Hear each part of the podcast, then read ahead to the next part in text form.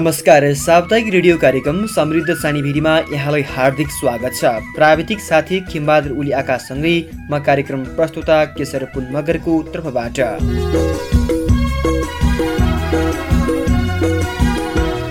श्रोता यो रेडियो कार्यक्रम सानीभेरी गाउँपालिकाको आर्थिक तथा प्राविधिक सहयोगमा रेडियो मौराखरा एफएम एक सय छ दशमलव पाँच मेगाहर्जले उत्पादन तथा प्रसारण गर्दै गर्दछ। तपाईँ यो कार्यक्रम रुकुम पश्चिम जिल्ला र आसपासका क्षेत्रहरूमा रेडियो मौरा खरा एफएम एक सय छ दशमलव पाँच मेगाहर्जबाट साताको प्रत्येक सोमबारे साँझ सात बजेदेखि सात तिस बजेसम्म र पुनः प्रसारण साताको प्रत्येक शुक्रबार साँझ यही समयमा सुन्न सक्नुहुनेछ।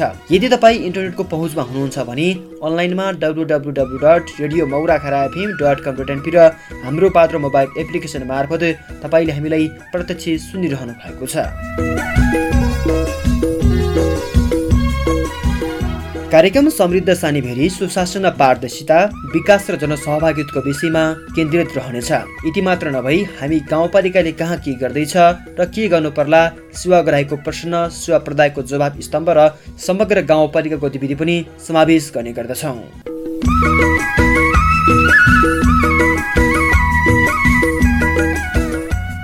श्रोता रेडियो कार्यक्रम समृद्ध सानीभेरीको यो सातौँ अङ्क हो। छैटौँ अङ्कमा हामीले सानीभिरी गाउँपालिकाभित्रका नागरिकहरूले गाउँपालिका सरकारले गरेका प्रश्न र गाउँपालिका सरकारको जवाब राखेका थियौँ भने आजको अङ्कमा हामी सानीभिरी गाउँपालिकामा विकास निर्माणको योजना र नागरिकलाई सूचना प्रवाहको अवस्थाको विषयमा सानीभिरी गाउँपालिका योजना अनुगमन राजस्व तथा सहकारी फाँट प्रमुख तथा गाउँपालिका सूचना अधिकारी नासु मिनाराम किसेसँग गरेको कुराकानी प्रस्तुत गर्दैछौँ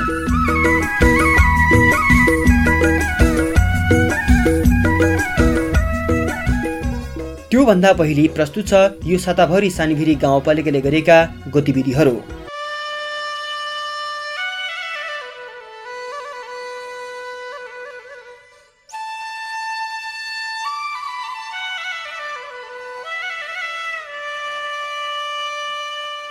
रुकुम पश्चिमको सानीभेरी गाउँपालिकाले शहीद परिवारलाई सम्मान गरेको छ। शुक्रबार सानीभेरी गाउँपालिका कार्यालयको प्राङ्गणमा एक कार्यक्रमको आयोजना गरी गाउँपालिकामा रहेका सम्पूर्ण शहीद परिवारलाई सम्मान गरेको हो। जनयुद्ध तथा जनआन्दोलनमा शहीद भएकाहरूको सम्मानका लागि उनीहरूका परिवारलाई काँसको अमखोराको चिन्हसहित खादा लगाएर सम्मान गरिएको थियो। राज्य तथा विद्रोही दुवै पक्षबाट मारिएकाहरूका परिवारलाई सम्मान गरिएको निमित्त प्रमुख प्रशासकीय अधिकृत गोपाल सिंह विष्टले जानकारी दिनुभयो। हरेक वर्षको शहीद सप्ताह जस्तै यो वर्षको शहीद सप्ताहमा पनि शहीद परिवारलाई सम्मान गरिएको विष्टले जानकारी दिनुभयो। उहाँका अनुसार एघारवटै वडाका एकाउन्नजना शहीद परिवार र उन्नाइसजना घाइतेलाई सम्मान गरिएको हो। नेपाल कम्युनिस्ट पार्टी नेकपा कर्णाली प्रदेश कमिटी सदस्य महेन्द्र केसी पारसमणिको प्रमुख आतिथ्यता र सानीभेरी गाउँपालिका अध्यक्ष नरबहादुर पुनको अध्यक्षतामा भएको कार्यक्रममा जिल्ला समन्वय समिति सदस्य धनवीर उली लगायत नेकपा र नेपाली काङ्ग्रेस पार्टी प्रतिनिधि एघारवटै वडाका वडा अध्यक्षहरूको लगायतको आतिथ्यता रहेको थियो। कार्यक्रममा बोल्दै प्रमुख अतिथि केसीले देशको परिवर्तनका लागि शहीदहरूको सम्मानका लागि गाउँपालिकाले गर्दै आएको कार्यक्रम महत्त्वपूर्ण भएको बताउनुभयो। उपहार सानो भए पनि शहीदको सम्मान तथा सम्झना भएकोले यसको अर्थ ठुलो हुने उहाँको भनाइरहेको छ। गाउँपालिका अध्यक्ष पुनले सङ्घीयता गणतन्त्र धर्मनिरपेक्ष तथा समानुपातिक समावेशिता आउनका लागि शहीदहरूको योगदान नै प्रमुख कारण भएको बताउनुभयो। देशमा ठुलो परिवर्तन आउने शहीदहरूको सम्मानका लागि गाउँपालिकाले हरेक वर्ष शहीद परिवारले सम्मान गरेको अध्यक्ष पुनको भनाइरहेको छ। ठुलो केही गर्न नसके पनि शहीद र तिनका परिवार आफन्तलाई स्थानीय सरकारले सधैँ सम्मान गरिरहेको उहाँले बताउनुभयो। रुकुम पश्चिमको सानीभिरी गाउँपालिकाले गाउँपालिकाको लोगो अर्थात् प्रत्येक चिन्ह निर्माण गर्ने भएको छ। एक सय पाँचौँ गाउँ कार्यपालिकाको बैठकको निर्णय अनुसार गाउँपालिकाको सामाजिक आर्थिक राजनीतिक सांस्कृतिक तथा भौगोलिक लगायतका विशेषता झल्कने गरी लोगो निर्माण गर्न लागेको हो। लोगो निर्माणका लागि गाउँपालिकाले सार्वजनिक सूचना जारी गरेको छ। आगामी चैते सोह्र गतेसम्म तोकिए अनुसार लोगो निर्माण गरी गाउँपालिका कार्यालयमा बुझाउन भनिएको छ। कार्यालयमा आएका लोगो मध्ये उत्कृष्ट लोगो छनौट हुने र उत्कृष्ट लोगोको निर्माणकर्तालाई पच्चिस हजारले पुरस्कृत गरिने निमित्त प्रमुख प्रशासकीय अधिकृत गोपाल सिंह विष्टले जानकारी दिनुभयो। लोगोमा नेपालको झन्डा र भिमाल अनिवार्य हुनुपर्ने छ भने लोगोले गाउँपालिकाको पहिचान भाव विशेषता र विशिष्टता झल्किनु पर्ने पनि उहाँको भनाइरहेको छ। लोगो निर्माण भएपछि हरेक कार्यक्रम ब्यानर र सबैतिर लोगो प्रयोगमा आउने उहाँले बताउनुभयो। लोगो बनेपछि गाउँसभा सदस्यहरूले पनि गाउँपालिकाकै लोगो लगाउनेछन्। स्थानीय तहहरूले पनि आफ्नै लोगो निर्माण गर्न पाउने व्यवस्था छ। सोही अनुसार सानीभेरी गाउँपालिकाले आफ्नो लोगो निर्माण गर्न लागेको हो। जिल्लाका छवटा स्थानीय तहमध्ये अहिलेसम्म कसैले पनि आफ्नो लोगो निर्माण गरिसकेका छैनन्। सानीभेरी गाउँपालिका वडा नम्बर आठले वडाका ज्येष्ठ नागरिकलाई सम्मान गरेको छ। वडामा रहेका पचहत्तर वर्षमाथिका पच्चिसजना ज्येष्ठ नागरिकलाई फाइबर सिरक वितरण गरेर वडाले सम्मान गरेको हो। वडा अध्यक्ष शशिराम बुढाथुकीको अध्यक्षतामा भएको कार्यक्रमको सञ्चालन वडा सदस्य नौमती डाँगी ओलीले गर्नुभएको थियो। सम्मान कार्यक्रममा वडा सदस्य प्रेम बुढाथोकी शारदा दमाई लगायतै वडाका ज्येष्ठ नागरिकहरूको पनि उपस्थिति रहेको थियो। रुकुम पश्चिमको सानीभिरी गाउँपालिका तिनमा रहेको सूर्योदय माविका किशोर किशोरीहरूलाई बाल दुर्व्यवहार सम्बन्धी अभिमुखीकरण गरिएको छ।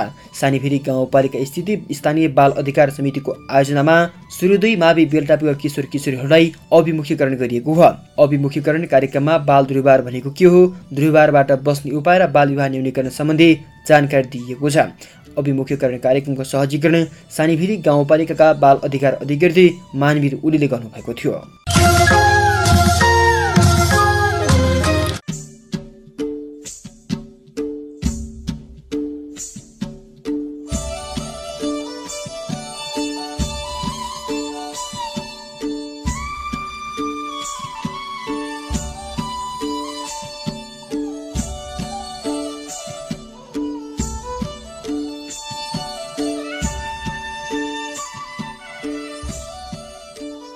यतिन्जेल सुन्नुभयो कार्यक्रम समृद्ध सानीभेरीमा यो साता सानीभेरी गाउँपालिकाले गरेका गतिविधिहरू। अब प्रस्तुत छ सानीभेरी गाउँपालिकामा विकास निर्माणको योजना र नागरिकलाई सूचना प्रवाहको अवस्थाको विषयमा सानीभेरी गाउँपालिका योजना अनुगमन राजस्व तथा सहकारी फाँट प्रमुख तथा गाउँपालिका सूचना अधिकारी नासु मेराम केसीसँग गरिएको यो कुराकानी। सरलाई कार्यक्रममा हार्दिक स्वागत छ। धन्यवाद सर। सानीभेरी गाउँपालिकामा राजस्वको अवस्था कस्तो छ? सानोभेरी गाउँपालिकामा रासोको अवस्था हामीले हाम्रो यो सानोभेरी गाउँपालिका मात्रै होइन। हाम्रो यो पहाडी जो तराईका सहरिया क्षेत्रका गाउँपालिकाहरू नगरपालिकाहरूको तुलनामा हाम्रो पहाडी एरियाका गाउँपालिकाहरू नगरपालिकाहरूमा रासोको अवस्था के छ भने हामीले सोचे अनुरूप हामीले रासो सङ्कलन गर्दैनौँ र रासोको त्यति आउने स्रोतहरू पनि हामीसँग हुँदैन। त्यसैले हाम्रो यहाँको मुख्य स्रोत भनेकै हाम्रो यहाँ हाम्रो यही हाम्रो रुकुम पश्चिमका स्थानीय तहहरूमध्ये सानोभेरी गाउँपालिकामा रासोको मुख्य स्रोत भनेको हाम्रो यो गिठी नदीजन्य अ, पदार्थहरू गिठी बालुवा ढुङ्गाहरू नै हो मेन हाम्रो रासोको आ- स्रोत। अनि त्यसपछि ओडाहरूबाट आउने सामान्य सिफारिसहरू होइन मालपोत होइन भूमिकरहरू अ, घटना दर्ताहरूको सिफारिसबाट आउने हो। र हामीले जति हाम्रो टेन्टेटिभ अहिले चाहिँ यो आर्थिक वर्षमा चालु आर्थिक वर्ष सतहत्तर अठहत्तरमा चाहिँ हामीले रासो आन् आन्तरिक रासोको अनुमान चाहिँ हामीले बहत्तर लाख जतिको हामीले गरेका छौँ। त्यो हाम्रो चाहिँ यो आर्थिक वर्षमा उठाउने हाम्रो लक्ष्य छ। त्योमा कति पुग्न सकिन्छ सकिन्न हामी चाहिँ त्योमा एकदमै त्यो लक्ष्यमा पुग्ने चाहिँ हामीले प्रयास गरिरहेका छौँ। तपाईँले उल्लेख गरेको राजस्व सन्तोषजनक हो। तपाईँले भन्नुभयो राजस्वको स्रोत भनेको सानीभेरी नदीको बालुवा गिटी भन्नुभयो। त्यो सँगसँगै स्थानीय तहबाट भनौँ न सिफारिसका कुराहरू भए जोडिए। ती सँगसँगै यो राजस्व तपाईँले उल्लेख गरेको रकम अनुसार चाहिँ सन्तोषजनक रकम हो यो राजस्व हो? एकदमै एकदमै। हामीले लक्ष्य तोके अनुसार लक्ष्यमा हाम्रो चाहिँ लक्ष्य भने मोटामोटी हुन्छ होइन? अनुमान हो त्यो।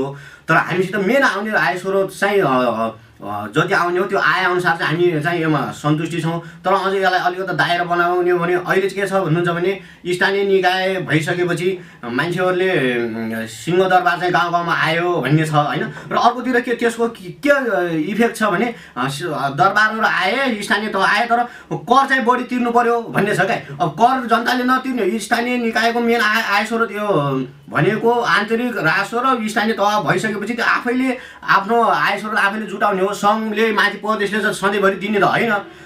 त्यो त केही समयको लागि होला अथवा सामान्य उसले सपोर्ट गर्ला। मेन भनेको आफ्नै पालिकाबाट आफ्नै आय स्रोतले आफ्नै आय स्रोतले चाहिँ चल्नुपर्छ भन्ने उद्देश्य हो। त्यसको उद्देश्य भनेको भने फेरि त्यो आउने भनेको भने करै उठाउने फेरि। त्यो कर उठाउँदाखेरि कर धेरै लाउँदाखेरि फेरि जनतालाई मार पर्ने भयो। त्यसले गर्दाखेरि हामीले चाहिँ त्यति एकदमै जनतालाई असर पर्ने मार पर्ने गरी हिसाबले हामीले कर बढाएको छैनौँ। किनभने त्यो पनि हामीले बुझ्छौँ नि हामीले उठाउने कर उठाउन खोज्दा उता फेरि जनतालाई मार पर्यो भने जनतालाई चाहिँ नेगेटिभ असर पर्यो भने सङ्घीय तहप्रति यहाँ स्थानीय तहप्रति सिङ्गो राज्य संरचनाप्रति फेरि गलत धारणा वृद्धि होला भन्ने हिसाबले चाहिँ हामीले जे छ सामान्य तरिकाले सामान्य हिसाबले हामीले चाहिँ रासो असो गरेका छौँ र यो हामीलाई चाहिँ सन्तुष्टिकै अवस्थामा छौँ हामी। अब कुरा गरौँ योजनाको विषयमा। यो आर्थिक वर्षमा सानीभेरी गाउँपालिकाभित्र विकास निर्माणको योजना कतिवटा छन्? हाम्रो यस चालु आर्थिक वर्षमा टोटल विकासको योजना हाम्रो चाहिँ दुई सय पचासको सेरोफेरोमा हाम्रो चाहिँ योजनाहरू छन्। र यो आर्थिक वर्षमा हाम्रो गत आर्थिक वर्ष छिहत्तर सतहत्तरमा योजनाहरूको भुक्तानी दायित्व भुक्तानी छ। योजनाहरू चाहिँ काम सम्पन्न भएको तर बजेट सङ्घीय सरकारबाट नआएको कारणले गर्दाखेरि बजेट अभावले गर्दाखेरि ती काम सम्पन्न भएको योजनाहरूलाई यस चालु आगोमा चाहिँ हामीले भुक्तानी दिने भए हुनाले गत वर्षका योजनाहरू भुक्तानीको छन्। त्यसपछि यस चालु आगोमा चाहिँ हामी टेन्टेटिभ डेढ सयको सेरोफेरोमा चालु योजनाहरू छन्। र त्यो उनीहरूको काम चाहिँ हामीले काम चाहिँ चलिरहेछ। हामीले प्रत्येक वर्ष सुन्ने गरेको कुरा के छ भने दायित्व भुक्तानी कुरा निकाल्नु भयो। दायित्व भुक्तानी सँगसँगै बेरोजुको कुरा प्रत्येक वर्षमा आउँछ। यति बजेट यति रकम बेरोजु भयो उति रकम बेरोजु भयो भनेर कुरा आउँछ। फेरि झट्ट सुन्दा यो बेरोजु भनेको कतिको बुझाइमा के हुन्छ भने बेरोजु भनेको जो उपभोक्ता समितिमा रहेका पदाधिकारी हुनुहुन्छ त गाउँपालिकाले यो अनियमितता गरेको रकम हो भन्ने बुझिन्छ। कस्तो खालको अवस्थामा यो योजनाको बेरोजु आउँछ? राम्रो प्रश्न सोध्नुभयो के छ सर यो मान्छेमा के छ भन्नुहुन्छ भने बेरोजु भन्ने बित्तिकै मान्छेले के अर्थ बुझ्छ भने भ्रष्टाचार भन्छ। बेरोजु भन्ने भ्रष्टाचार होइन होइन? भ्रष्टाचारको एउटा रूप हुनसक्छ। तर भ्रष्टाचारै बेरोजु भनेको होइन। तर कुरो के हो भने बेरोजु भन्दा बित्तिकै मान्छेले के भने सुरुमै यो भ्रष्टाचार गरी खायो नि त्यहाँदेखि बेरोजु आयो भने। बेरोजु चाहिँ के हुन्छ भने यो बेरोजु एउटा सैद्धान्तिक बेरोजु हुन्छ है? अरू अर्को असल उपर हुन्छ यसको बेरोजु होइन? जो सैद्धान्तिक बेरोजु हुन्छ अधिकांश कार्यालयहरूमा आउने बेरोजु भने सैद्धान्तिक बेजु बेरोजु हो होइन? असल उपर कमै रूपमा आउँछ। सैद्धान्तिक बेरोजु भने के हो भने हामीले गर्ने काममा होइन? डकुमेन्टेसनको पार्ट हो। हामीले मानौँ न कुनै कागजपत्रहरू नपुगेको हुनसक्छ कहीँ चाहिँ कागजपत्रहरूको सिग्नेचर नहुनसक्छ होइन? त्यो प्रक्रियागत त्रुटिलाई प्रक्रियागत त्रुटिलाई चाहिँ आउने हो बेरोजु। र अन्य यो फेरि हाम्रो जस्तो गाउँपालिका ठुला बजेट आउने कार्यालयहरूमा बेरोजु फेरि शून्य हुँदैन है त्यो। यो जान्दा राम्रो हुन्छ। बेरोजु पुरै शून्य हुँदैन। केही न केही रूपमा बेरोजु आउँछ। र अर्को कुरा हाम्रो स्थानीय तहमा काम गर्दाखेरि हामीले चाहिँ शत प्रतिशत कानुन नै पालना गरेर कानुनलाई नै चेपेर हामीले चाहिँ काम गर्छौँ भन्नु पनि एउटा फेरि यो मूर्खता हुन्छ। किन मूर्खता हुन्छ भनेपछि हामीले गर्ने काम शत प्रतिशत स्थानीय तहमा गर्ने काम भने शत प्रतिशत कानुनै टे टेकेर गर्ने भने एउटा काम पनि हुँदैन। एउटा काम पनि हुँदैन। किन हुँदैन भन्नुहुन्छ भने हो हामीले जनताको एउटा कुरा कानुन पनि हेर्नुपर्छ। हामीले काम गर्ने भने के हो भने कानुन पनि नमेचिने होइन? सर पनि मर्ने ढार सर पनि मर्ने लट्ठी नभाँचिने हिसाबले हामीले काम गर्छ। कानुन पनि नमिचिने र व्यवहारिकता पनि हेरेर जनताको व्यवहारिकता हेरेर हुन्छ तर हाम्रो त्यसले गर्दाखेरि हामीले त्यो व्यवहारिकता हेर्ने क्रममा चाहिँ त्यो फेरि माथिबाट आउनेले त फेरि कानुनै हेर्छ उसले।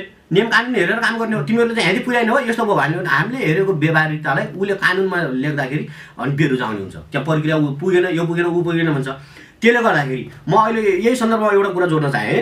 के कुरा जोड्न चाहेँ भने हाम्रो चाहिँ यहाँ व्यवस्थाहरू धेरै फेर्ने होइन? पञ्चायत कालदेखि राणाकालदेखि राजतन्त्रदेखि पञ्चायत कालदेखि होइन? लोकतन्त्र आएदेखि अहिले गणतन्त्र आउँदासम्म पनि व्यवस्थाहरू फेर्ने तर हाम्रा नीति नियमहरू फेरिएनन् क्या। सबभन्दा चुनौतीको विषय यहाँ छ। जो चाहिँ नीति निर्माण लेभलमा जानुभएको छ जो नीति नियम बनाउनुहुन्छ उहाँहरूले व्यवस्था फेर्नु तर नीति फेर्न सक्नु भएन यही नीतिका कारणले यही नीतिका कारणले जनताले दुःख पाए जनगुनासो अत्याधिक बढ्यो। गाउँ गाउँमा सिंहदरबार आएर संहिता आउँदासम्म पनि जनताले यसको महसुस गर्न पाएनन् क्या। गाउँमा सिंहदरबार आयो किनभने किन गरेन पाएनन् भने यही कानुनले। सबभन्दा पहिला हामीले यहाँ कानुन फेर्न जरुरी छ होइन? यही कानुनको बाध्यता कारणले बेरोजु बन्नको कारण? हामीले यहाँ काम गर्छौँ। व्यवहारिकता पनि हेर्नुपर्ने हुन्छ। कानुन नै समात्यो भने एउटा काम पनि यहाँ हुँदैन स्थानीय तहमा होइन? जनताको माग एउटा एकातिर हुन्छ कानुनले एकातिर बोल्या हुन्छ। त्यहीले गर्दाखेरि बेरोजु चाहिँ आउँछ। अहिले पनि हाम्रो एउटा तपाईँले अहिले यो रेडियो सुनिरहेको सबै श्रोतालाई एउटा जानकारी हो। भर्खरै हाम्रो अडिट सम्पन्न भयो होइन? मालेका परिषदबाट आएर अडिट सम्झाउनु भयो हाम्रो चाहिँ यहाँ रुकुम पश्चिमको छवटा स्थानीय तहकोमा है? एउटा गर्वका साथ भन्नुपर्छ। छवटा स्थानीय तहमध्ये सानोबेरी गाउँपालिकाको बेरुजो भनेको बयानब्बे लाख रुपियाँ छ। जबकि अन्य गाउँपालिकाको हेर्नुहुन्छ भनेपछि एघार करोड सात करोड चार करोड बेरोजु हुँदा सानोबेरी गाउँपालिका यो त हाम्रो गर्वको कुरो हो नि त। यो खुसीको कुरा हो। भनेपछि हामीले हाम्रो जनतालाई हामीले चाहिँ मेन उद्देश्य हाम्रो चाहिँ कानुन पनि समात्ने। उहाँको व्यवहारिकता पनि हेरेर हामीले काम गरेका छौँ। र त्यसको फलस्वरूप हामीले चाहिँ यो अवस्थामा आछौँ र अर्को कुरो बेरो बेरोजो शून्य यहाँ हुँदैन। बेरोजो शून्य किन हुँदैन? बजेटको भोल्युम सानो हुन्थ्यो। त्यो अवस्थामा हुन्थ्यो। यहाँ त चालिस पचास करोड बजेट आउँछ। कहिले कहिले त त्यो अलिक का काज प्रक्रियाहरू त्रुटिहरू देखिने भएन बेरोजो आउँछ। र मेन बेरोजो हाम्रो असुल उपर भन्दा पनि सैद्धान्तिक बेरोजो जहाँ कहीँ पनि देखिन्छ। समस्या भने बेरोजो असुल उपर आयो भने मात्रै गाह्रो त्यसैले त्यो चाहिँ म जानकारी गराउन चाहन्छु। यो बुझ्नु बेरोजोको बारेमा बुझ्नु पर्छ बेरोजो भने भ्रष्टाचारै भन्ने जो बुझाइ छ भ्रष्टाचार बेरोजो आउन यहाँ भ्रष्टाचार गरे सबले खाए कर्मचारीले खाए उपभोक्ताले खाए जनप्रतिनिधिले खाए भने त्यो गलत हो। प्रक्रिया त तुट्यो यति बुझ्नुपर्छ। अनि उपभोक्ताको गुनासो कसले सुन्छ? उपभोक्ताका गुनासा उपभोक्ताका गुनासा सुन्ने भनेको गाउँपालिका सरकार छ गाउँपालिका कार्यालय छ वडा कार्यालय छ होइन? वडाका जनप्रतिनिधि हुनुहुन्छ। उहाँहरूले आफ्नो गुनासो जनगुनासो के छ समस्या त्यो जहाँ पनि राख्न सक्नुहुन्छ। अनि यसको सुनवाई हामीले चाहिँ अब तल्लो लेभलबाट वडाले दिन सक्ने त्यसको सुझाव सल्लाह राय छ भने वडाले त्यति बेला दिइहाल्छ। उसले स अलिक माथिल्लो लेभलको छ अलिक अलिक समस्या जटिलै छ भने गाउँपालिकामा आउँछ। हाम्रो गाउँपालिका सरकार हुनुहुन्छ अध्यक्षज्यूहरू हुन्छ उपाध्यक्ष हुन्छ कार्यपालिका छ उहाँ छलफल गर्नुहुन्छ। समस्याको समाधान हुन्छ। गाउँपालिका सरकारले नागरिकका अथवा उपभोक्ता समितिका उपभोक्ताका गुनासो सुन्छ मात्रै कि ती समस्यालाई समाधान गर्ने प्रयास अथवा सम- समाधान पनि गर्छ? हो। गुनासो भने सुन्ने मात्रै होइन। गुनासोको निचोड भने अन्तिम भने के भने त्यो समाधान त हुनु पऱ्यो नि त। गुनासो भने सुन्ने अनि समाधान नगर्ने भन्ने त होइन। त्यही भएर गुनासो भन्ने बित्तिकै समाधान हुन्छ। समाधान पनि बुझ्नु गुनासो भनेपछि समाधान बुझ्नु पऱ्यो समाधान हुन्छ। हामीले गुनासो सुनेका छौँ समाधान पनि गरेका छौँ। अर्को महत्त्वपूर्ण विषय भनेको के छ भने जो तपाईँ त्यो फाँडमा आबद्ध पनि हुनुहुन्छ। सबैसँग जोडिएको विषय भनेको सूचना। प्रत्येक नागरिकसँग यो सूचनाको कुरा जोडिएको छ। अब कुरा गरौँ सानीबेरी गाउँपालिकामा सूचना लिने नागरिकको अवस्था कस्तो छ? कतिको नागरिकहरूले सूचना लिन्छन् गाउँपालिकाबाट? सानोबेरी गाउँपालिकाको सन्दर्भमा कुरा गर्दाखेरि सूचना लिन र सूचना जान्न चाहना सबै जनताले गरिरहनु भएको छ। अहिले फेरि यो के हो भने त्यो समय परिस्थिति व्यवस्थाले पनि सिकाउने हो होइन? अहिले मान्छेहरू सूचनाको पहुँचमा धेरै नजिक हुनुहुन्छ। जमानै अहिले के भने इन्फर्मेसन टेक्नोलोजी सूचना प्रविधिको जमाना भयो होइन? मान्छे हर कुरामा अहिले अपडेट भइरहेछ होइन? अ, सूचना पाउने माध्यम धेरै भयो हुनाले पहिला अ, को हाम्रो बाबुबाजेको पालामा के थियो भने लिखित पनि हुन्थ्यो। सूचना चिठी आउने बा महिना लाग्थ्यो चिठीको माध्यमबाट सूचना लिन्थ्यो भने। अहिले चाहिँ सु सूचना मैत्री प्रविधि भएको हुनाले हर कुराबाट उहाँहरूले सूचना कुराहरूको जानकारी लिनुहुन्छ र त्यसको सूचना लिनुहुन्छ। त्यसैले सूचना लग्ने कुरामा हाम्रो गाउँपालिका मात्रै नभएर जताकतै सूचना लिने जानकारी लिने र जनता पहिलेको तुलनामा सचेत भएका होइन यो आफ्नो चाहिँ यो मेरो चाहिँ हक हो, अधिकार हो भन्ने कुरा चाहिँ उहाँहरूलाई ज्ञान भयो भने सूचना लिने कुरामा त धेरै नै वृद्धि छ। गाउँपालिकाले जस्तो गाउँपालिकाको म गाउँपालिकाभित्रको मात्रै कुरा गर्छु। नागरिकहरूले सूचना माग्छन् तपाईँले भन्नुभयो सूचना लिने नागरिकको सङ्ख्या वृद्धि छ भन्नुभयो नागरिकले सूचना माग्छन् मात्रै कि गाउँपालिका सरकारले मागेका सबै सूचना दिन्छ पनि के गर्छ सूचना मैले अघि पनि भने सूचना भनेको मागेपछि हामीले दिनुपर्छ। होइन के छ भने कानुन नियममा पनि के छ भने सूचना होइन राष्ट्रिय सूचना आयोगमा सूचना हक सम्बन्धी ऐनमा पनि के व्यवस्था छ भन्नुहुन्छ भने कानुनले गोप्य राख्नुपर्ने बाहेकका है कानुनले गोप्य राख्नुपर्छ भनेर भनेका बाहेकका अन्य सूचनाहरू नागरिकले मागेको बेला तुरन्त दिनुपर्छ हामीले है। नागरिकले सूचना माग्दाखेरि सूचना उहाँहरूले चाहिँ माग्ने तरिका धेरै हुन्छन् होइन? कसैले फोनबाट माग्नुहुन्छ अहिले यहाँ चाहिँ अहिले चलिआएको के छ भने अनलाइनहरू छन् फेसबुकहरूबाट फोनबाट पनि उहाँले ल है यो के हो जानकारी पाऊँ भनेपछि माग्नुहुन्छ। तर लिखित रूपमै चाहिँ मलाई यो सूचना चाहियो भनेर आउनेको सङ्ख्या कम छ। मौखिक रूपमा फोनबाट होइन अन्य हाम्रो चाहिँ गाउँपालिकाको अब वेबसाइट पनि छ होइन? इमेल पनि छ फेसबुक पेज पनि छ अथवा अन्य कसैले राखेको सूचनामा उहाँले रा- कमेन्ट गरेर पनि राख्नु भएको हुन्छ। त्यो कमेन्टलाई पनि हामी सूचनाको रूपमा लिन्छौँ। उहाँले गरेको कमेन्टलाई पनि सूचनाको रूपमा लिएर हामीले चाहिँ त्यसलाई चाहिँ जानकारी दिने प्रयास गर्छौँ। र राष्ट्रिय सूचना आयोगमा पनि भएको हुनाले राष्ट्रिय सूचना ऐनमै व्यवस्था भएको हुनाले सूचना चाहिँ उहाँले राखेको मितिले पन्ध्र दिनभित्र सूचना अधिकारीले दिने होइन? अ, सु- कानुनी सूचना गोप्य राख्नुपर्ने बाहेक अन्य सूचनाहरू पन्ध्र दिनभित्र दिनुपर्ने तत्काल दिन मिल्ने छ भने त्यसलाई तत्कालै दिनु पऱ्यो यदि त्यस्तो तत्काल दिन नमिल्ने छ भने पन्ध्र दिनभित्र उसले चाहिँ सूचना अधिकारीले सूचना दिनुपर्छ। यदि पन्ध्र दिनभित्र सूचना अधिकारीले सूचना दिनु आनाकानी गर्यो ढिला सुस्ती गर्यो होइन आंशिक रूपमा मात्रै सूचना दियो भने उसलाई चित्त बुझेन भनेपछि त्यसको चाहिँ फेरि उसले चाहिँ प्रमुख प्रशासनिक अधिकारी कहाँ चाहिँ उसले फेरि सूचना पाऊँ भनेर निवेदन दिन्छ होइन? अनि प्रमुख प्रशासनिक पनि त्यसलाई चाहिँ सात दिनभित्र सूचना दिनुपर्छ।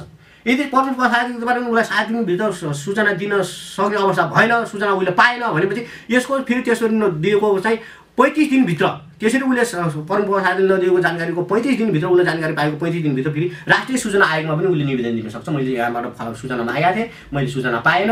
भनेर उसले उहाँ निवेदन दियो भने राष्ट्रिय सूचना आयोगले पनि साठी दिनभित्र त्यसको निर्खोल गर्छ।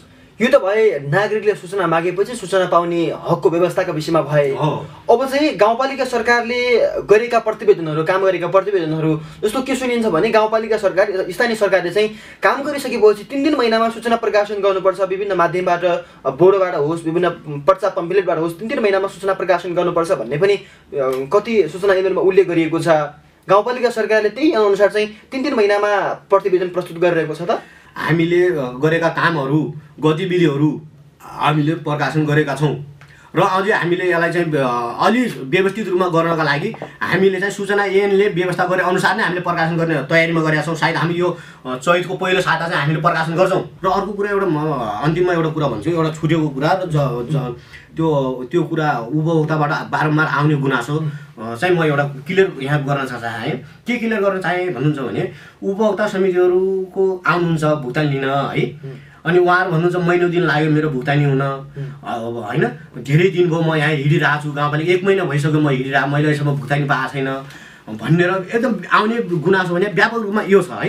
म यसलाई अलिकति क्लियर के गर्न चाहेँ भने अहिले रेडियो सुनिरहेर बसिरहनु भएको छ कसैले सुनिरहनु भएको छ भने उहाँहरू उपभोक्ता समिति लगायत सम्पूर्ण सरकारहरूलाई मैले एउटा विनम्र अनुरोध मैले के गर्न चाहेँ भन्नुहुन्छ भने मैले पहिला म कुन उद्देश्यको लागि कुन ठाउँमा जाँदैछु भन्ने हुन्छ। म कुनै काम गर्न कुनै ठाउँमा जाँदैछु भने म के काम गर्न जाँदैछु भन्ने कुरा पहिला मैले आफूले ख्याल गर्नु पऱ्यो होइन? र त्यो मैले गर्न लागेको कामको लागि मलाई चाहिने डकुमेन्ट के के हुन्? है। त्यो डकुमेन्ट के के हुन् भनेर पहिला पूर्व तयारी गरेर डकुमेन्ट आवश्यक कागजातहरू लिएर जानु पऱ्यो है? र त्यो कागजातहरू लिएर त्यो समिति ठाउँमा जाँदाखेरि चाहिँ तपाईँको काम छिटो छरितो होला हुन्छ नै ग्यारेन्टी भन्छु मैले। म के जान लागेको काममा मैले गराउन लागेको काममा चाहिँ म चाहिँ त्यो चाहिने कागजात के हुन् भनेर म स्वयं व्यक्ति मात्र हिँडेर गएँ भने मैले म तपाईँलाई उदाहरणसहित म भन्न चाहन्छु।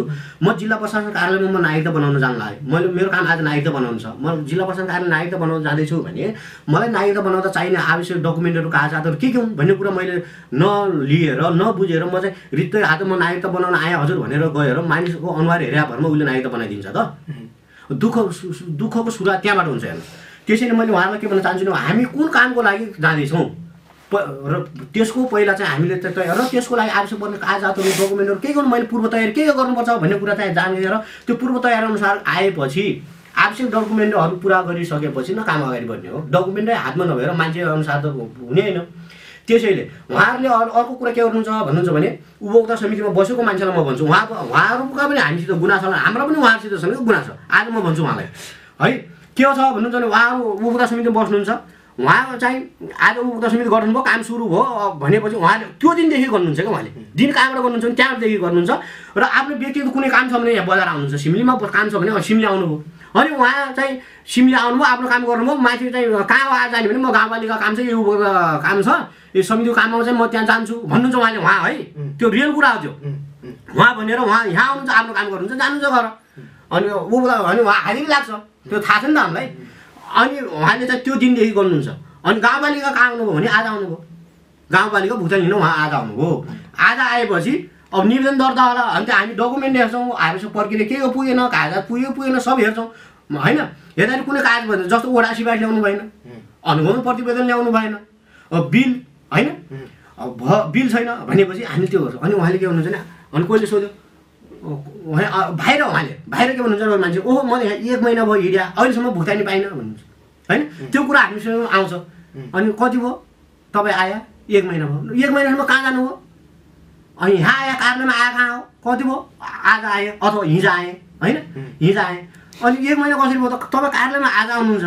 अनि एक महिना भयो भन्नुहुन्छ कसरी? भन्दाखेरि होइन म त घरबाट यहाँ अरू बेला पनि आउने जाने गर्थेँ। त्यसले गर्दाखेरि अनि आफ्नो व्यक्तिगत कामलाई पनि यहाँ कार्यालयमा आएर जोडेर हुन्छ त। हुँदैन नि हो त्यो मानसिकता त्यो छ। र अर्को कुरा यहाँ के भन्न चाहन्छु भने अघि पनि बेरोजुको कुरा ल्याउनु तपाईँले। अन्तिममा म के भन्न चाहन्छु भने बेरोजुको कुरा उहाँहरूले काम गर्नु हामीले कुनै योजना हामीले बजेट छुट्याइदिउँ उहाँहरूले कार्यालयलाई जानकारी नदिएर त्यो पो- प्रोसेस भने समिति गठन गर्ने सुरुमा इस्टिमेट समिति गठन गर्ने प्राविधिक इस्टिमेट बनाउँछ आएर ओडाको सिफारिस लिएर कार्यालयमा आएर सम्झौता गरिसकेपछि काम अगाडि बढाउने हो। है।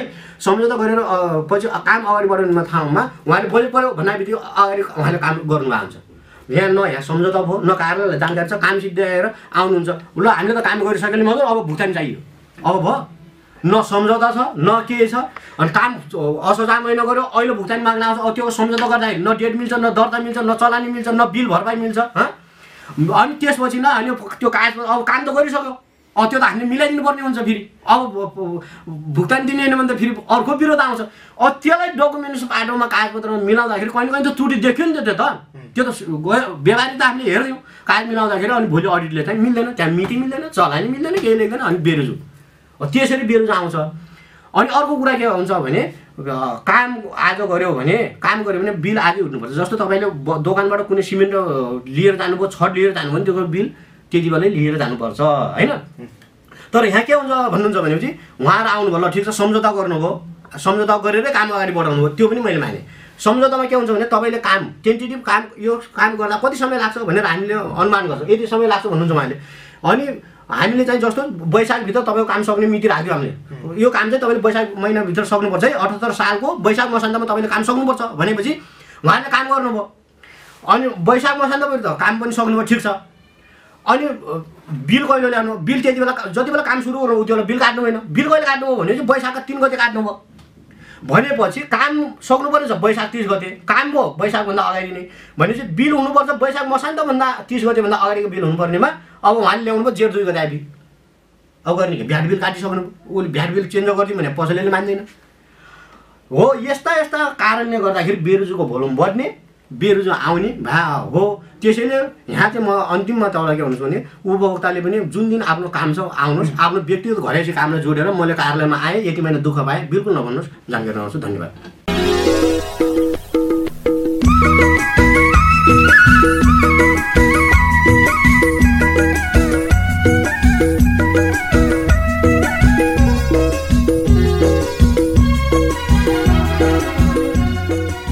श्रोता यी विविध सामग्रीसँगै कार्यक्रम समृद्ध सानीभेरीको समय सकिन लागेको छ। तपाईँले आजको कार्यक्रम कस्तो लाग्यो जस्तो लाग्यो त्यस्तै सल्लाह सुझाव अनि प्रतिक्रिया पठाउन नभुल्नुहोला। गाउँपालिकाको सेवा प्रवाह र गतिविधिको बारेमा सल्लाह सुझाव र प्रतिक्रिया छ भने पनि तपाईँले हामीलाई पठाउन र फोन मार्फत टिपाउन सक्नुहुनेछ। तपाईँको प्रतिक्रिया हामी सम्बन्धित निकाय समक्ष पुर्याउनेछौँ। प्रतिक्रियाको लागि हामीलाई पत्राचार गर्ने ठेगाना हो। रेडियो कार्यक्रम समृद्ध सानीभेरी।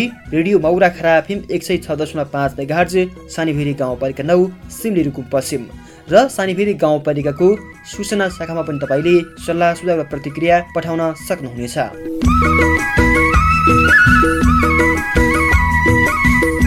हवस् त आजको कार्यक्रमबाट प्रविधि संयोजनका साथी खिमबहादुर उली आकाशले धन्यवाद दिँदै म कार्यक्रम प्रस्तुता केशर पुन मगर पनि छुटिनाका चाहन्छु। नमस्ते।